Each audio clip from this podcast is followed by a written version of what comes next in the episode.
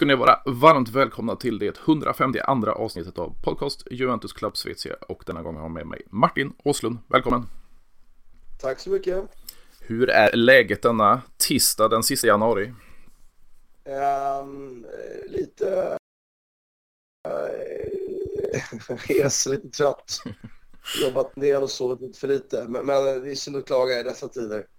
Um, det finns de som har det definitivt har det värre. Ja, precis, precis. Och eh, jag brukar när jag har en helt ny gäst i, i podden, då brukar jag fråga vad har du för relation till Juventus? Uh, oj, det är en lång relation. Uh, 90-talet var det lite, det var inget lag, alltså, mest illa tyckte jag ju om uh, Milan i början av 90-talet, för de var bäst. De var ju verkligen, verkligen bäst under många år. Uh, och sen så tog ju liksom också med, med, med liksom en pressfotboll med, med, med Sacchi och jag var ung och tyckte att det fanns väldigt mycket med, med, med bollen vid fötterna. Som alla fotbollsspelare alltid tycker när man är mm. unga. Liksom. Man har svårt att förstå det, eller så cyniska som Sacchi stod för. Det togs ju väldigt fint över av Lippi sen. Mm. Ska väl säga att Juventus var mitt favoritlag på, på 90-talet. Eh, utan att det var någon speciell relation. Så, så, och så var det väldigt bra. Italienska Serie A var ju bäst just då. Mm. Eh, jag höll ju på Barcelona och Napoli. Och Napoli hade ju väldigt tungt på 90-talet. Liksom. Det, det var någon vänder liksom, när man eh, upp och kanske hade bra lag, men i regel var det inte så, så bra. Så att, eh, och sen under 2000-talet så har det mest varit eh, mestadels lärt mig att vara lite imponerad av Juventus som då är ett land. Jag, menar, jag spelade med spelare som var från Juventus och lärde känna folk som var i Juventus. Så att det var, för det var ett land där det mycket var liksom lite så, så det ser sådär med tidshållning och lite sådär med allting så stack alltid Juventus produkter ut som någon, några som var, de var i tid, um, de var, skötte sig och, och, det var det som då var Lo Stilo Juventus. Mm. Men, men uh, det är ju inte riktigt det man förknippar med Lo Stilo Juventus längre, får man väl lov att säga. Nej, det har ju hänt en del. Nej, exakt. Återuppbyggnaden efter, alltså, men, det ska man ju komma ihåg allt det här. Återuppbyggnaden eh, av eh, Juventus efter Calciopoli har ju varit extremt imponerande. Mm.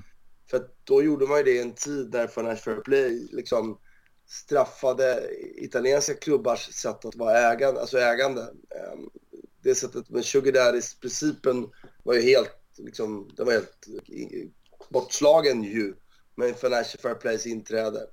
Så att i den processen att Juventus kunde bygga klubben så stor som de gjorde. Eh, fram tills då liksom, de gick fel med värvning av, av eh, framförallt Ronaldo och sen sparkningen. Jag tror, hade man inte sparkat Sarri hade man kanske klarat sig också. Och då hade man ju förvisso fortfarande problem plus Valencia-problemen men den hade inte varit lika stor. Du hade behövt värva lika mycket. Så jag tror att där, där någonstans så gick man fel och så kom covid på det. Och så har man försökt skylla över det på ett sätt som jag inte, jag tror inte är unikt för Juventus. Ehm, de har väl bara gjort det mest systematiskt mm. och, och därför blir straffat hårdast. Ja, precis. Vi fick ju se ja, anledningar eller motivationerna till, till domen igår då och eh, det var ju i, fortfarande ganska luddigt om man får säga så. Eh, vad, vad tänker du? Öppet för, öppet för tolkning, öppet för förändring. Nej, men alltså, man kan, och det här har du säkert redogjort för i din podd, men, mm. men liksom, folk har lite svårt att förstå, förstå skillnaden där, men alltså Juventus och andra klubbar blev ju, fick ju chansen då i april och, och, och motbestrid, eller under våren. Det som ledde fram till att de blev frikända i april mm. var att man inte kunde bevisa någonting speciellt annat än att man använt felaktiga värderingar. Alltså, förlåt, värderingar som de flesta i marknaden tyckte var fel.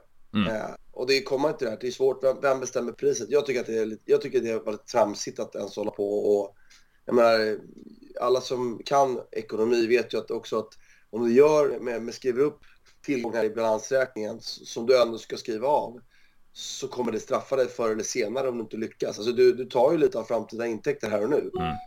Så jag, jag, tycker inte att problematiken var med eller var så stor som, som den var.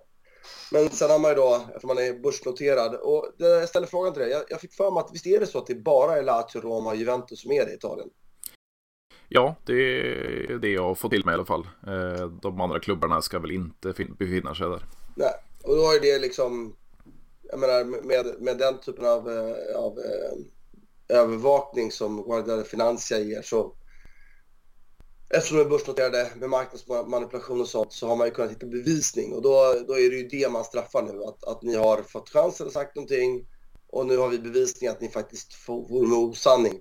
Alltså så straffar vi er väldigt, väldigt hårt. Jag tror ju, alltså, det, det är liksom, jag vet, jag vet ju inte vad, vad den här... Jag, jag är mer intresserad, det ska mer intressant domen som kommer från civilrättsliga målet i mm. mars. Eh, för jag tror ju att eh, liksom fängelse för Paratici är väl inte alls orimligt liksom. Utan jag är någon stjärna på, på, på aktiebolagslagen i Italien och dess bestraffnings... Men, men jag tänker tänka mig motsvarande i Sverige. Fängelse då, men det, det, det kommer straffas liksom. Mm. De kommer få personliga straff. Um, och så får vi se vad det här leder till. Jag tycker bara att liksom, i de fall då där man kan bevisa med Juventus, liksom, alltså man har bevisat att Juventus har fuskat i, mot italienska klubbar så borde ju liksom fotbollsförbundet fikt och, vad heter han, Kinese, vad mm. Kine, Kine. Kine. Då borde han ju i sådana fall automatiskt kunna bevisa att den motpartsklubben också har fuskat mm. i det fallet och ljugit. Då ska väl de också straffas. Sen kan inte jag på rak arm vilka klubbar det skulle röra sig om. Alltså rakt av, men, men det, Atalanta, Napoli och några till har ju varit inblandade mm. åtminstone. Liksom. Atalanta i synnerhet har varit inblandade med Juventus. Så om Juventus straffas för det här sportsligt rimligt att de får störst straff. Men det borde också straffas andra klubbar. Det är det man vänder sig mot lite i den här domen. För att som sagt, man kan inte mer ta fram, man får inte fram bevisning på de andra klubbarna. Men om man kan bevisa att Juventus har medvetet fuskat så tycker jag att det faller sig naturligt att då har ju också motpartsklubben fuskat. För man kan inte göra det liksom. Men där är liksom lite bakgrunden så att Sen tycker jag ju att, att ehm, och det här, man ser att om, om det här straffas så kommer italienska klubbar gå konkurs och så vidare. Eh, då ska man ju komma ihåg att, att det, är inga, det är inga pengar som har tillförts så här. Liksom. Det är ju faktiskt ingen, alltså det enda möjligtvis är att ett bättre resultat som har gjort att du kan gå och låna hos banker eller hos andra institut för att du har ett bättre resultat i balansräkningen eller i resultaträkningen. Men det tror jag, det är ju inte fallet för de här klubbarna. De går ju inte till marknaden. Alltså Juventus har väl i och för sig ställt ut en obligation, men de flesta andra klubbar gör ju inte det. Så att, att det ska påverka klubbarna, alltså problemet är oavsett om de får hålla på med plus Valencia eller inte, så är klubbarna i Italien, Serie A, de är ju stora problem, alltså ekonomiskt, mm. efter covid. Ja, det är ju lite där också, du som är ekonomiskt kunnig det här med kapitaltillägg, alltså från, eh, från aktieägarna. Det, de har ju injicerat då, först var det väl 300 miljoner euro, sen var det 400 miljoner euro. Eh, har du, hur förklarar du det kapitaltillägg? Nej, men alltså, mm, det, och det är ju det här som är min invändning mot eh, Financial Fair Play. Jag menar, om du vill som ägare lägga in 3 miljarder i Juventus för att de ska bli bäst i världen, eh, då ska ju inte liksom de 3 miljarderna sen, hur du spenderar dem sen om de väl finns insatta i klubben klubben. Då ska inte det kontrolleras att du måste göra det i paritet mot omsättningen eller enligt de regler som Financial Fair Play För jag tycker det är trams. Mm. Men kapitaltillägg som är rena kapitaltillägg är det ju inget fel på. Problemet här är att man ju har gjort, alltså, för att säga vad du kanske menar då, men Juventus har alltså, ägarna har skjutit till pengar. Mm. För att som sagt, plus Valencia är ju ingen mer likviditet. Det är ju bara att du klarar liksom resultaträkningen för varje innevarande år som gör att få delta i nästa års Europaspel eller Serie A. Det är det enda det gör. Jag, vet, jag, jag kan inte Serie A's övervakning. Jag kan La Ligas bättre och jag kan ehm, eh, Premier Leagues. Eh, för att jobba med rättigheter. Men, men jag gissar att Serie A också har något motsvarande. Liksom. Men, men det är ju det det har handlat om. De har fixat siffrorna för att kunna tävla nästa år. I, liksom. Sen är det ju lite mer beklämmande det här med svarta pengar. Men så det tror jag liksom också är någonting. Alltså jag ska inte för något förminska det, för det är ju, det är brottsligt liksom, såklart mm. också. Att man har sagt att spelarna har avsagt till fyra årslöner och så har man betalt tre svart. Liksom. Eh, det är klart att det är brottsligt. Liksom. Men för att återgå till din fråga. Alltså de rena kapitaltilläggen är att man sätter in pengar. Då, då gör man som vilket bolag som helst. Eh, behöver vi eh, växa, så, så, eller behöver vi betala räkningar för 3 miljarder eller 300 miljoner, ja men då tar vi in 300 miljoner. Men det är det som är grejen. Hade, det, hade Juventus bara kunnat göra så, då hade ju liksom aldrig behövt hålla på med plus Valencia. Men sen så säger ju regelverken för Fair Play att ja visst ta in en miljard om du vill, men du får inte spendera det hur du vill för du har ju bara omsatt här eh, 400 miljoner euro så då får du inte spendera de här pengarna fast du har pengarna, då får du inte göra det. då får du inte tävla i vår turnering. Och det är ju det som man liksom har varit. Man måste hålla isär det med rena kapitaltillägg och kapitaltillskott man skapas av plusvalenser. Det är två olika saker. Mm. Det ena är ju både pengar, alltså kapitaltillägg i form av böckerna och likviditet. Det andra är bara böckerna. Och de här kapitaltilläggen kan man, vad ska man säga, eh, likvidera en, en eh, kapitalförlust då per års redovisning. Alltså, återigen då, kapitaltillägg i form av ägande din riktiga pengar mm. kan du göra allt med. Du mm. får mm. betala löner. Som sagt, plus Valencia, cirkusen ger inte mer pengar, alltså mer faktiska kontant, kontanter på bankboken eller någonting att betala med. Det är ju bara siffror för att fixa böckerna. Skjuter klubban ägarna till kapitaltillägg så får du in pengar i balansräkningen och likviditet. Alltså, förstår du vad jag menar? Mm, mm. Så att de pengarna kan göra det. Problemet är att de pengarna som kommer in via rena kapitaltillägg fixar inte till resultaträkningen som gör att du inte kan tävla i Europa. Ja, jag känner själv att det blir lite snurrigt här om man inte liksom, ja, men kapitaltillägg i form av rena insättningar, pengar, får alltså inte användas mot resultaträkningen. Det får användas bara i att betala äh, räkningar med och det får du då inte använda för att tävla i Europa. Nej. Jag känner att jag är inte riktigt bra nog att förklara det här, men, men det är skillnaden i alla fall. Ja, det är väl lite där som Kine då varit inne på, för han påstår ju då med de här plus Valenza och eh, uppblåsta spelarvärdena att Juventus kunnat, vad ska man säga, tävla på ett annat sätt på, på transfermarknaden ja. och kunnat värva in de här spelarna och på det sättet då falsifierat eh, ligan. Ja, förvaltar man genom det fått delta i nästa års tävlingar. Mm. Alltså, de, den Färna plus Valencia hade inte Juventus fått vara med i Europa. Då hade man inte fått ta in de intäkterna.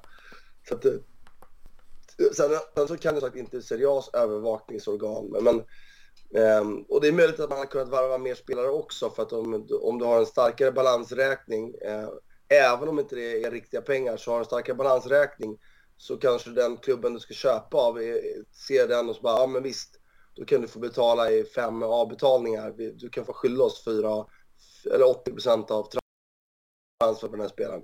Men alltså, en svag balansräkning skulle i alla fall jag som säljande klubb kräva att få mer upfront. Liksom.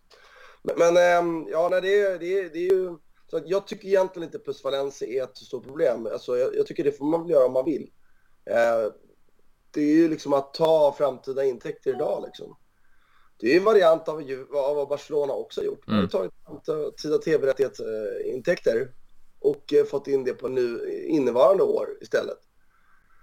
Så jag tycker inte plus Valencia är problemet i sig. Jag tycker att, att det problemet är, är väl i sådana fall att, att man har ljugit om det och ljugit om det för marknaden. Ljuger man för marknaden och börsnoterad, ja, då, blir, då blir det annan, annan lagstiftning. Sen är det mer beklämmande med det här med att man har betalat ut svarta pengar och gjort det, för det är ju faktiskt eh, något helt annat tycker jag. Mm, mm.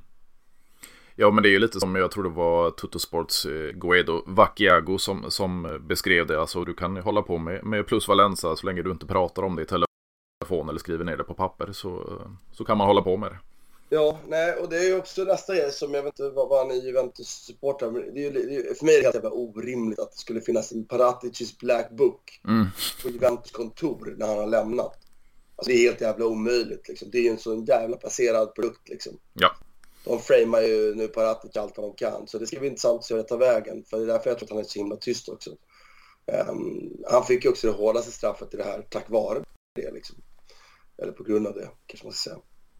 Ja, och det, det är ju det, även eh, om vi tar då Angeli, Arrivabene, Nedved och Kerubine som även de har blivit eh, avstängda på grund av detta så, så påstås det idag då varför just de här har blivit avstängda. Och Maurizio Arrivabene, det var ju för att han påstås då ha skrivit under en falsifierad kvartalsårsredovisning mellan 2019 och 2021 med fiktiva plusvalensa på omkring 60 eh, miljoner pund.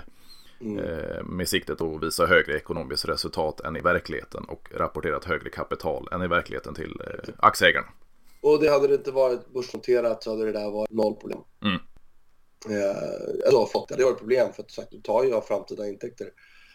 Eh, så att liksom, om du har ökat din balansräkning med 100 miljoner pund eller 60 miljoner pund och ska skriva av det på fyra år så har du tagit 15 miljoner pund av ditt utrymme de närmsta fyra åren. Om det nu är det det handlar om. Som du redan nu har eh, liksom stängt för, för alltså använder den. Ja, men vi, precis. Och det, det är ju det är mer intressant tycker jag. För, här, jag tror att poängavdraget är orimligt högt. Det kommer mm. minska. Det är rimligt att andra klubbar också blir indragna i det här. Eh, jag kan inte liksom utesluta att Napoli får någon form av bestraffning. Ehm, det vore liksom, om du pratar 9-10 poäng till Juventus borde väl Napoli få minst två åtminstone, det kan jag ju tycka. Det vore rimligt. Liksom. Mm. Um, bara för att, att uh, det gått fram, fram mer bevis för, för Juventus så för att det, de övervakas på annat sätt. Det är ju också liksom ja, men konstigt tycker jag. Sen är det, det är mer liksom övergripande, den här civilrättsliga domen tycker jag är väldigt spännande att se vad det tar vägen. För det, det är liksom, det är mycket, det kommer inte drabba dem, rimligtvis inte drabba eh, klubben Juventus lika hårt. Eh, utan den kommer ju gå på personerna liksom. Eh, och vad det innebär liksom. Jag menar, Paratici är inte orimligt att han hamnar i fängelse i alla fall med sin amatörmässiga bedömning. Och sen framför allt, alltså vad händer med Serie A framgent? Vad händer med La Liga framgent? Det är liksom svårt att se att de ska finnas i det här Uefa, att, att det liksom var sälja alla spelare. Nu gick McKennie till Leeds. Mm. Ja. Vilket i och för sig är en, affär som jag tror alla tjänar på. Jag tycker mm. man kan en bra spelare men passar bättre i Leeds än i Juventus. Och så det, på det sättet är det väl inget fel i sig, men jag menar när, när eh, Bournemouth köper bra spelare för, för, för La Liga, Serie A och sådär så är det ju jag vet inte. Kommer, kommer södra Europa finna sig i vad 20, alltså föda, föda Premier League med, med liksom spelare? Jag tror inte det. Och, och, och Serie A, ja fan den är ju snart bankrutt. Alltså det är inte för plusvalens utan för att det liksom, de har inte drabbades hårdast av covid. Eh, har haft sämst ökning av sina tv-rättsintäkter och det känns som att de nästan planar ut och står still liksom. I en värld när liksom transferinflationen är ju galen just nu liksom. Jag vet inte. Jag vet inte, vad, vad känner du som Juventus-supporter? Du fattar väl att liksom chansen att Juventus någon gång mer spelar en kvartsfinal i Champions League med, med, med gällande fair play-regler och med ökande tv-rättigheter i andra länder. Det är ju jävligt liksom. Det är inte ofta Juventus kommer vara i en kvartsfinal igen liksom. Nej, precis, och det är ju lite det här man diskuterar nu med, med om, om, vi tar Premier League kontra den, den, den Super League då med, med ja, framförallt pengaintäkter. Det, det är ju marknadsföring av Serie A är, har ju verkligen inte lyckats om du jämför med Premier League då. Eh, och det är därför Angeli med, med Florentino Perez och, och Juan Laporta i Barcelona har då försökt med det här The Super League. Sen var det ju en katastrofal presentation av, av eh, det här projektet. Men, eh, Serie A och de andra, La Liga bland annat, behöver ju göra någonting för att försöka komma en bit på vägen mot Premier League åtminstone. Jag läste en intervju med eh, var för eh, Media Mediapro eh, som liksom, han trodde inte att Super League skulle bli av. Men annars hade jag liksom en så här, det är väl rimligt att snart att, att uh, Spanien, uh, Italien, Frankrike drar sig ur Uefas internationella tävlingar, klubbtävlingar och bildar en egen klubbtävling. Mm. Uh, det är väl det enda sättet att konkurrera. Att liksom, jag menar om de spelar matcher, nu tror jag inte att du får med dig PSG just nu för de sitter rätt, i rätt mm. hand i alla fall, de sitter rätt bra till, de ökar sina pengar. Men även de kommer få svårt att hänga med över tid om det här fortsätter. Jag menar, franska tv-rättighetspengarna, de är inte, de är inte ens stilla, de minskar ju liksom. Eh, så att, men, men det skulle vara rimligt att de startar sin egen då, tävling där nere. Eh, och sen så, det, är deras sätt att konkurrera med Premier League, tror jag. Eh, men, men han var ju verkligen inte, och det är också nästa grej att Uefa liksom 25 procent av intäkterna för klubblagen tar ju Uefa. Mm. Det är också orimligt högt redan nu och när med tanke på att hur mycket Champions League-rättigheterna ökade med till nästa cykel så... Ja. Men det kommer ju annars inte hjälpa för att liksom Champions League... Det fanns ju en tid när Champions League gav så mycket pengar så det kunde liksom väga upp lite att Premier League hade mer pengar. Men nu är ju liksom Premier League-intäkten så stor så att en nyuppflyttad klubb i Premier League kommer att ha samma omsättning som klubbarna strax under toppen i alla de andra ligorna. Liksom. Mm. Ja, det är det, det, är det som är besvärligt. Jag tycker det är mer intressant. Så civilrättsdomen mot Juventus och den långsiktiga liksom, planen för alla de här klubbarna där nere. Eh, och, och, jag har ju absolut hört dem tycka att man ska slopa Financial Fair Place, det här break-even-kriteriet. Det här riktigt äckligt tillägget de kom med nu för några år sedan att det ska vara 70% av omsättningen får gå till kostnaderna av spelare, mm. så ytterligare cementerar det. Eh, de två ska bort och sen så får, får alla ägare sätta in pengar. Och så tror jag då att, liksom, då säger folk, men då blir det en jakt på miljardärer. Ja, fast det finns ju typ, är det 200 eller 500 miljardärer bara i Sverige liksom. Så det, det finns otroligt mycket miljardärer. Och vad jag tror då skulle ske, det är att en del klubbar skulle initialt rusa iväg som 17 köpa spelare, skulle ha en otrolig transferinflation. Men över tid skulle det liksom marginalnyttan med, med mer pengar skulle bli ännu lägre och då skulle man kunna ha, jag menar då spelar det ingen roll att liksom skulle tv-rättigheterna i Premier League vara värda eh, fyra gånger så mycket som eh, Serie A så kan man väga upp det med, med andra typer av insättningar av pengar. Riktiga kapitaltillskott. Jag ser ingen annan väg. Eh, folk pratar om att det ska vara införas lönetak och då undrar jag liksom på vilken nivå, alltså alla, alla människor som gör det måste ju ställa sig frågan på vilken nivå ska det lönetaket sättas? Vi har alltså typ, vad är det, 40 eller 50 ligor i mm. UF. Så ska det sättas på Premier Leagues nivå Ehm, så har vi inte uppnått någonting. För då är ju Premier League liksom, då menar att ingen av de andra kommer att slå i några jävla lönetak därför att de inte kan ens få in de pengarna. Ehm, och sätter vi det på en lägre nivå, vad ska Premier League göra med alla pengar de får över? Ska de dela ut sina ägare? Alltså det kommer de ju aldrig gå med på liksom. Så det, det, finns liksom ingen väg framåt tror jag, utan att, att um, antingen slopa de här grejerna eller så måste typ seriala liga de göra en egen, egen, egen Europaturnering liksom. Men spännande blir det i alla fall att följa. Jo, men det känns ju också så här om man tänker nu med, med Chelseas nya ägare Todd Bowley och de här värvningarna. Det var ju Mudryk och, och Badiashil om man skriver, var det 8,5 års kontrakt för att sprida ut eh, kostnader och ta sig runt och Financial Fair Play. Så det finns ju alltid kryphål kring, kring reglementet. Jag tycker inte att det är ett kryphål ens. Jag tycker det är fullt rimligt. Det får man inte själv bestämma. Det är ju återigen samma sak där. Skriver du ett avtal på 10 år, och du vet att spelarna ska spela i fem år. Mm. För så gör de ju i, i då har du ju tagit av de nästa fem åren efter det, deras, det du minskat utrymmet. Det är ju som att hålla på med plusvalenser. Jag tycker det är fine. Mm. Jag tycker det är problem. Det är liksom, du väljer att ta framtida med utrymmet det nu. Du ska betala igen det på något sätt ändå. Liksom. Det, det, det ser inte jag som ett problem i, i, sin tur. Men det som är intressant med Chelsea är att den enda rimliga slutsatsen är ju att de, de, de går, går för att nå Champions League. Når de inte Champions League så skiter de i, för då kommer de inte klara French Fair Play med Champions League så kommer de att klara det marginellt i gissningen. Mm. Eh, och, och spelar de Europa League så struntar de i det. Då bygger de hellre en stark trupp och det är väl också yttersta beviset på att, liksom, att skillnaden i pengarna är så stora. Så att hellre en framgång inte så nationellt eh, som är starkare över tiden att spela och vinna Europa League för att det ger för lite pengar tillbaka. Liksom. Ja, det känns ju också som de här, om vi tar Premier League-klubbarna, vi tar eh, Paris Saint-Germain och så här, det var ju några säsonger sedan, eller ganska många säsonger sedan nu, man fick eh, luppen, eller var under luppen det här med, med upplåsta sponsorer och, och deras avtal och så vidare. Men, men ser du någon, vad ska man säga, koppling mellan det här och vad som händer nu med Juventus och, och andra italienska klubbar och spanska klubbar? Alltså, jag tycker att det är så sjukt att det ska sitta, är det Octagon i USA som ska bestämma då, eller har det uppdraget att bestämma vad, vad en sponsorrättighet är värd? Mm. Jag tycker det är så jävla sjukt. Alltså. Jag tycker det är planekonomi liksom. Och jag är ingen stort fan av planekonomi. Jag tycker historien visat sig ganska bra att alla planekonomiska länder har gått riktigt åt helvete för på alla vis. Liksom.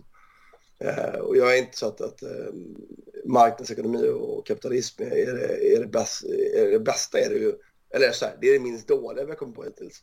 Men, men liksom, nej, jag tycker det är bara eh, tragiskt. Och Sen går ju inte det på samma sätt att göra heller. De har ju stramat åt det där mer och mer. Och sen ska man komma ihåg att, att PSG också ändå den kommersiella kraften i PSG för att de är i Paris, som är Frankrikes största stad och Frankrike är ett stort land.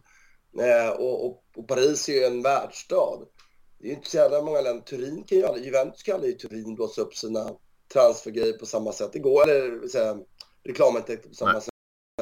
Newcastle pratas det om nu ja, de kommer börja fuska med sina, alltså fuska bara ordet tycker jag är stötande. Mm. Men skruva upp sina, sina sponsorintäkter, men det kan de inte. För Newcastle har ingen, ingen alltså det finns ingen rimlighet där. Paris är ändå Paris, liksom. man ska komma ihåg det. En jävligt rik stad som hela världen åker till. Newcastle är en, en, en stad i norra England som ingen åker till. Och som är rätt liten jämförelsevis, som inte har någon kommersiell kraft och som inte är speciellt rik. Så nej, Newcastle kommer aldrig kunna göra den resan och det är svårt överhuvudtaget att göra om resorna nu. City och, och Chelsea hann ju göra det där innan för att mm. skapades. Och PSG tidigt in i den cykeln. Så att, eh, nej, det är, jag, är, jag är förvånad över hur, hur lättlurade mycket supportrar är. Liksom. Men det, det, är väl det när man inte, när man inte liksom, eh, det är oförstånd tycker jag. Mm, mm. Jo men det känns lite också sådär om man tar jag har dratt en jämförelse tidigare i, i något tidigare avsnitt det här med, med Agnelli då som var president över ECA. Han var väl med i Uefas exekutiva kommitté och då givetvis president över Juventus och sen startade där The Super League-projektet och sen eh, avgår då som ECA-president och in kommer PSG-presidenten El Khalifi. Eh, och dessutom med Be In Sports då slutade ett avtal med Uefa kring eh, rättigheterna i Champions League. Eh, så det, det, det vänder på balansen ganska rejält med de här eh, klubbägarna så att säga. Ja, ja det, det, jag, jag, ja, jag vet inte liksom. det, det kommer vara sagt intressant tid framöver. Ja, det blir och det, det, blir ju problematiskt som man ser. Nu, nu är jag Juventino och, och, ser efter min klubb och allting som händer nu. Men jag menar, Premier League springer ifrån rejält, både La Liga och Serie A och eh, Bundesliga och Liga och så vidare. Men sen sitter det då en, en PSG där med, med allt det kapitalet och man får bara se att fotbollen den, den, den springer ifrån oss. Nej, och, och PSG kommer ha sin utmaning just därför att den tv-rättigheten de har från nationella fotbollen är, är lite svag kontra Bundesliga, Serie A. Kanske kan jämföras med. Men Liga och Bundesliga kommer vara större. Och sen tycker jag att liksom, jag menar, har man varit i Paris och varit på Parc des Princes och så, där, så förstår man att de har större TV, alltså större reklamintäkter än vad, än vad många, än vad Juventus har. Mm. Det är en internationell stad, att de inte Turin någonsin kan bli. Alltså att Juventus kan tävla i Serie A har ju bara att göra med att, att det inte finns någon internationell dragningskraft. För skulle Roma lyckas göra motsvarande så har Milan och Inter också större ekonomiska städer att röra sig i. Så att, Juventus, så länge, det, så, länge, så länge de här reglerna finns och Serie A inte blir större internationellt så kommer Juventus i alla fall kunna vara topplag i Serie A. Men, men eh, skulle det bli en internationellare liga där så är det rimligt att tro att Roma och Rom och Milanoklubbarna har större förutsättningar. Det är större städer, mm. det är internationellt eh, större och det är lättare då att göra som eh, PSG har gjort och så vidare. Sen jag tycker jag har sagt återigen att alltså, om det finns sponsordeals från, som vill lägga in pengar, vem ska bestämma vad, vad de är värda liksom? Jag tycker det är också jättemärkligt liksom, mm. att vi typ tycker att det är okej. Okay, liksom. vad skulle du själv känna om du fick jävligt bra betalt för din bil? Liksom? Mm. Nej, det där är för mycket. Jag kan betala tillbaka. Man bara, va? Ja, det är liksom inte rimligt. Men, äh, ja nej. Och det blev ett sidospår. Mm. Och huvud, huvudspåret vi pratade om egentligen var ju Juventus och den, det kan man bara konstatera sagt att eh, vi får förvänta oss att poängavdraget kommer ner lite, att det kanske drabbar Atalanta, Napoli, något, Sampdoria eller något lag till lite grann. På något sätt måste de få någon straff i alla fall. Jag kan tänka mig något annat. Om det inte blir poängavdrag så måste det bli någon böter eller något sånt där.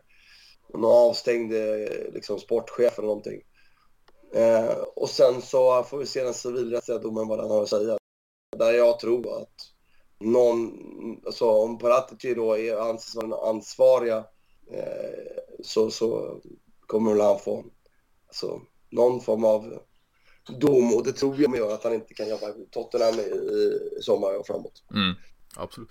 Vad tänker du kring det här med, med utländskt ägarskap? Om man ser på Big Six då i Premier League så är det ju bara Tottenham med Daniel Levy som, som är av brittisk härkomst. I Italien har vi fått se då en Berlusconi som blev Först var det väl indonesiskt ägo och sen så blev det eh, amerikanskt då och, och Inter med Suning då från, från Kina och så vidare medan Juventus fortfarande sitter på familjen Agnelli då eh, och hundra år i år i, i dess ägo. Hur ser du på de här ja, amerikanska hedgefund och så vidare som går in i den europeiska fotbollen? jag ser det som ehm, eh, någonting som gör mig lite oroad. Mm. Eh, och då pratar vi inte om att de ägarna är sämre de, eh, och inte bättre heller nödvändigtvis. Eh, så det, liksom, det tror jag man... Jag tror att, att, att Agnelli sitter med en kunskap om, om fotbollen i familjen och hur man gör saker och en erfarenhet som är värd någonting. Så de, de har ju pengar, så det är inte det som problemet där. De har ju mer pengar än vad man får använda i Juventus ändå. Så mm. att, mer pengar där skulle inte göra en skillnad. Eh, och, men, men, det som jag menar är att, att jag, det är klart att det, det, det, även om, vad jag är rädd för är ju att de med för mycket ägare av den här typen så går det mot att stänga mer lönetak, mer eh, införande, mer sånt som supporterna tror är bra, som bara cementerar tävlingsbalansen. Och varför, varför vill ägarna göra det? Jo, för det tar ju utrymme för vinster. Och vinster vill klubbarna ha. Och även om de inte delar ut pengar så kan de ju liksom återbetala lån de har tagit, eh, amortera ner lånen. De kan sälja klubbarna vidare. Jag menar, det är ju liksom det mest attraktiva. Jag menar, jag köper liksom, när jag gör affärer så köper jag ju tillgångar jag tjänat noll kronor på under fem år. Mm. Som ett back på de fem åren. Men när jag säljer den tillgången efter fem år så har den ökat väldigt mycket i värde. Jag menar, jag tittade, det såldes en fastighet nu på Strandvägen i Stockholm här, eh, tror det var under Q4, som jag tror direktavkastningen var så här 0,5 procent. Alltså och den kostade liksom ja, mycket pengar. Så du skulle tjäna 0,5 procent, så ska det finansiella kostnader. Så förmodligen skulle det gå back på ägaren fastigheten löpande. Eh, och speciellt när du tar in i underhåll och så. För att den kalkylen går ut på att den fastigheten är så attraktiv så över tid kommer liksom värdeökningen, det är där vinsten ligger. Och så är det med klubbarna. Och det är det jag är rädd för, att skapar du liksom de här barriärerna där du inte får använda pengarna så skapar det liksom amorteringsutrymme, utdelningsutrymme. Och amortering säger folk, ja men det är bra. Jo, fast om du amorterar till skuld till ägarna så är det ju samma sak som en utdelning. Alltså amortering, utdelning och framför allt en värdeökning som tillfaller ägarna. Och att inte fler är oroliga över det här och sitter och jublar över regleringar, det är återigen en liksom, ja men det är faktiskt obegåvat, eh, tycker jag. Mm. Det sagt då, tänk om de når över den här kvalificerade majoriteten och börjar stänga ligor eller bestämmer andra saker och utökar ännu mer det här utrymmet att göra vinster. Eh, ja, nej, jag, är orolig. Ja, det går ju inte åt rätt håll om man säger så. Eh, om man... vet vi inte, men, men mm. det, sto alltså, det, stora problemet är ju Uefas Financial Fair Play. Det är ju det som måste bort. Mm. Alltså inte hela Financial Fair Play-regelverket, det finns delar som är bra där. Utan det är ju två kriterier, alltså break-even-kriteriet och 70% som då håller på nu infasas. Jag tror det är 90% nästa år och så 80 året efter det. Och sen 70% år tre. Av totala omsättningen får, får kosta skrivningar, löner till spelare, allt det där. Det vill säga ytterligare, inte bara att du liksom, inte bara att du har eh, bestämt att man bara får göra av med pengar man kan dra in, utan du får också bestämma att du får inte göra av med procent eller så ytterligare gjort en skillnad i, eh, mot de bästa klubbarna, liksom, eller största klubbarna. Um, så det är det vi behöver slå. Det, det är inte svårare än så. Och det är det, istället för att protestera infantilt och protestera mot superligan så borde supportrar vara ute och protestera mot det där. Mm. Men, men det är ju återigen, jag kan bara sluta med att det är obegåvat. Eller så får någon komma på något annat förslag. För jag är inte för att det ska vara, det behöver inte vara fri, fri marknad, det är inte liksom, men jag ser ingen annan lösning. Och än så länge så har jag inte sett ett enda förslag som är genomförbart utöver det. Ja, men alla klubbar ska ha 51%-regeln. Ja, men hur ska de göra det? Ska de konfiskera till privata tillgångar? Mm. Det får man inte göra. ska, ska då, och då är det nästa steg, men vi kan ju återköpa dem. Ja, lycka till. Ska medlemmarna då i Manchester United eh, skrapa fram 10 miljarder för att återköpa klubben till 50, lägre 50 procent? Är det rimligt tror du? Nej. Nej. Och då, och då är ju den diskussionen död liksom. Och då kan man inte prata om att man 51 procent ska införa. Alltså, men det går ju inte. Ja, lönetak då? Ja, men det har vi redan sagt. Jag har redan pratat om det här. Lönetak Okej, okay, hur gör man det? Ja, men de har det i NHL. Ja, fast det är en liga och ett kontrollorgan. Och jag tycker dessutom att, att eller NHL eller NFL, amerikansk mm den är ju liksom, den går ju ut på att ägare ska tjäna pengar. Eh, och det, det, tycker jag väl att det, det minst rimliga liksom av allting. Ja, nej, jag är kanske mycket väl, eh, lite väl negativ här. Ja. Ja, men jag, jag vill ha din syn på det hela.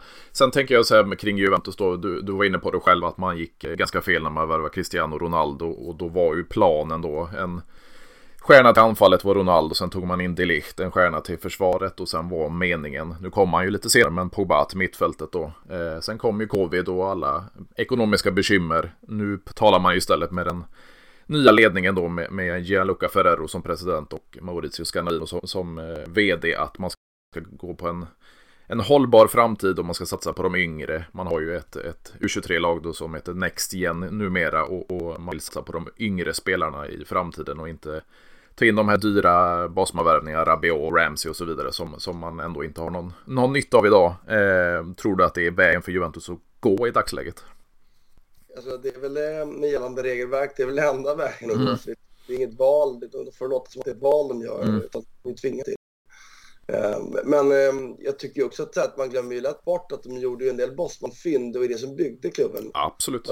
Ska de sluta göra det, ja, då, då måste de helt enkelt fostra bäst spelare, ha de bästa tränarna eh, och, och göra en väldig resa. Jag ser ju att eftersom inget lag i Serie A går bra över tid, utan alla pendlar lite, jag menar, så, så, så går det ju att ta sig tillbaka till toppen i, i, Serie A igen, det gör det ju. Mm. Men ta in, eller tidigare program, det är väldigt svårt att se att att Juventus med rimlig liksom, återkommande ska kunna vara med och spela kvartsfinal Champions League. Liksom. Det, det ska vara att man har jävla tur med lottningen helt enkelt. Eller har något enstaka år när man är, man är väldigt bra. Men att återkommande ta sig dit, det, det blir tufft för eh, de flesta italienska klubbar och i synnerhet eh, för en klubb som Juventus som ska börja så långt nerifrån. Så att det, det, eh, det, det, det är spännande. Jag menar, Napoli har ett otroligt bra lag i år och det har de fått genom att hålla på och gjort saker. De har haft en väldigt bra tränare, som, några bra tränare tidigare som byggt väldigt bra lag. En stomme.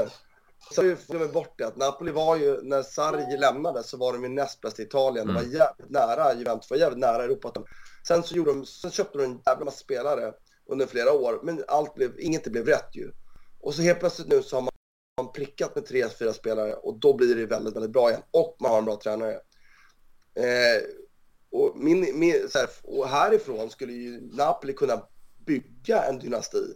Men det tror inte jag kommer ske. Jag tror att de kommer sälja av de bästa i sommar igen och få bra betalt för att chansa på massa unga talanger igen.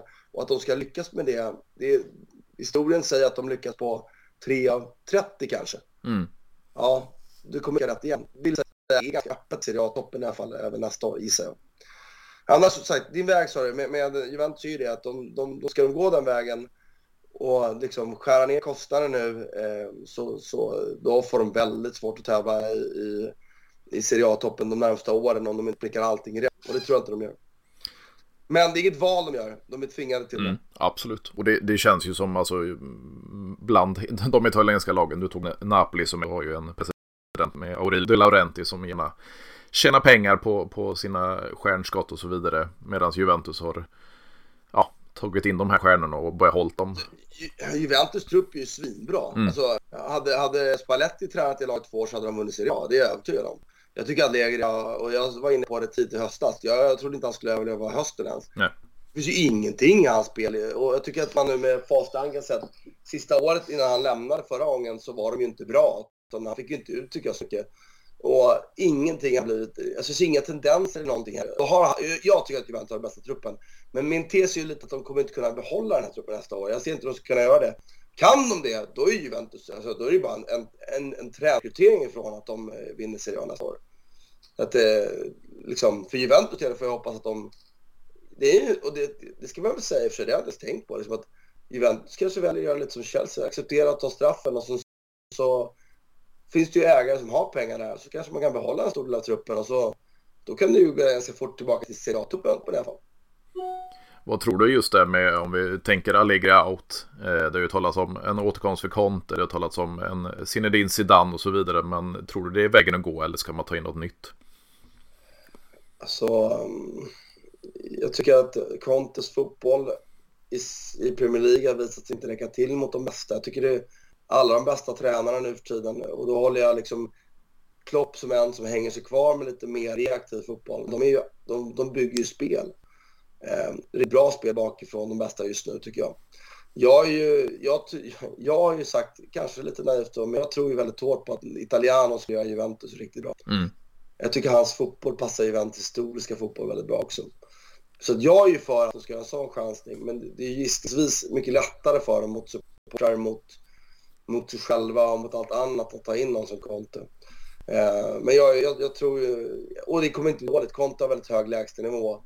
Och, och de bästa tränarna, det är ju samma liksom, trupper och tränare han tävlar emot. Så att han skulle ju säkerligen kunna göra Juventus till ett lag som vinna eh, Premier League och bygga en ny bas. Det är inte omöjligt. Men jag hade tyckt mycket roligare om de valde någon som italiensk. Och Zidane? Jo, visst. Jag hade älskat att se test, prövet, provet av honom därför jag tycker att han inte heller har byggt något riktigt... Alltså, där har mer varit hantering av väldigt bra spelare på ett väldigt fint sätt. Har verkat som utifrån. Därför hade man velat se det där. Men jag tror inte att det är nära. Jag tror inte han tar det, ärligt talat. Men jag vet inte vad han går och väntar på heller. Jag hoppas jag har fel. Zidane hade varit roligast på det sättet. Jag tror bara inte att det är möjligt. Nej, precis. Och vi har varit inne vid Juventino som sitter och diskuterar det här vecka in och vecka ut. Det har varit Italiano som har varit ett namn och även då eh, nu i Brighton, De Cherby som eh, ja, känns ytterst spännande. Han, han lämnar inte för Juventus. Det är väldigt svårt att tro. Han är ju... Stannar han inte i Brighton så tar ju någon av de riktigt stora klubbarna på honom. Sen tycker jag kanske inte att hans fotboll är, är synonym med Juventus fotboll. Utan jag tycker ju att Italiano sätt att spela är mer med väldigt aggressiv press och högt och liksom bygger bra spel absolut. Men framförallt så är de ju extremt bra i presspel tycker jag. Ja, och det är ju lite den vägen man gick eh, när man tog in, bytte Allegri mot Sarri också. Det var ju en totalt annorlunda fotboll. Dessutom inte med ett spelarmaterial som eh, efter Sarri-boll så att säga.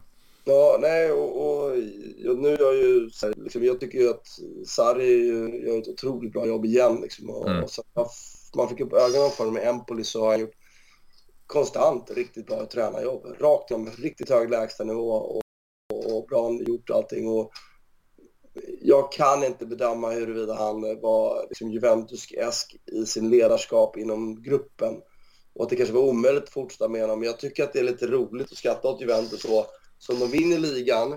De åker ut mot Lyon. Lyon, tittar du på statistiken, tittar bara tillbaka om ni som inte tror mig du se att Juventus i det dubbelmötet egentligen var det lag som kanske var bäst mot dem. Eh, och då slog Lyon, de spelade jämnt, spelade ett bra lag efter också, alltså innan och efter. Mm. Så Juventus gör egentligen bra mö möte mot ett lag som var i riktigt bra form där och då, men som man på pappret eh, skulle slå. Och det var, det, det var lite, som lite inkompetent att vara så reaktiv om det var det sportsliga man bedömde. Jag, jag, vet ju faktiskt inte hur det var med ledarskapet i gruppen. Att Sarri kanske klarade det, vet jag inte. Men det är lite roligt att, hade, och jag tror så här, hade de behållit honom så hade de aldrig hamnat där de är nu liksom. Nej. Eh, det hade ju varit en plusvalenseproblem, men den har inte varit lika stor. Eh, de kanske hade kunnat undvika något annat. Eh, så då, och framförallt så tror jag att han hade, om han hade fortsatt och fått någon, någon nyförvärv till där så hade de ju fortsatt vinna liksom. Ja, du tillhör ju klubbens historia också, för, som du, du talade om Lippi förut. Vi hade ju tidigare en, en Trappatoni då som, som skördade stora framgångar och sen bytte man till tre olika tränare. Så det gick åt helsike, tog in Lippi, framgångar igen, tog in Ancelotti, gick åt pipsvängen så tog man tillbaks Lippi. Och nu gör man ju samma sak med, med Allegri men lyckas inte denna gången. Nej, och sagt historien tycker jag ju ändå med Capello sen också. Det är ett mm. bra lag. Ehm, så, så är ju den typen av fotboll som italienarna står för mer kompatibel med US. Så är det. Absolut. Eh, slutligen tänkte jag säga, vad, vad, känner du kring Andrea Angeli? Alltså det har ju varit 13 år som Juventus-president och, och, och, som sagt han ingår ju i, i ägarfamiljen eh, då som är vd för Exor. Eh, vad, vad, tycker du att han lämnar för eftermäle med, med den nuvarande situationen?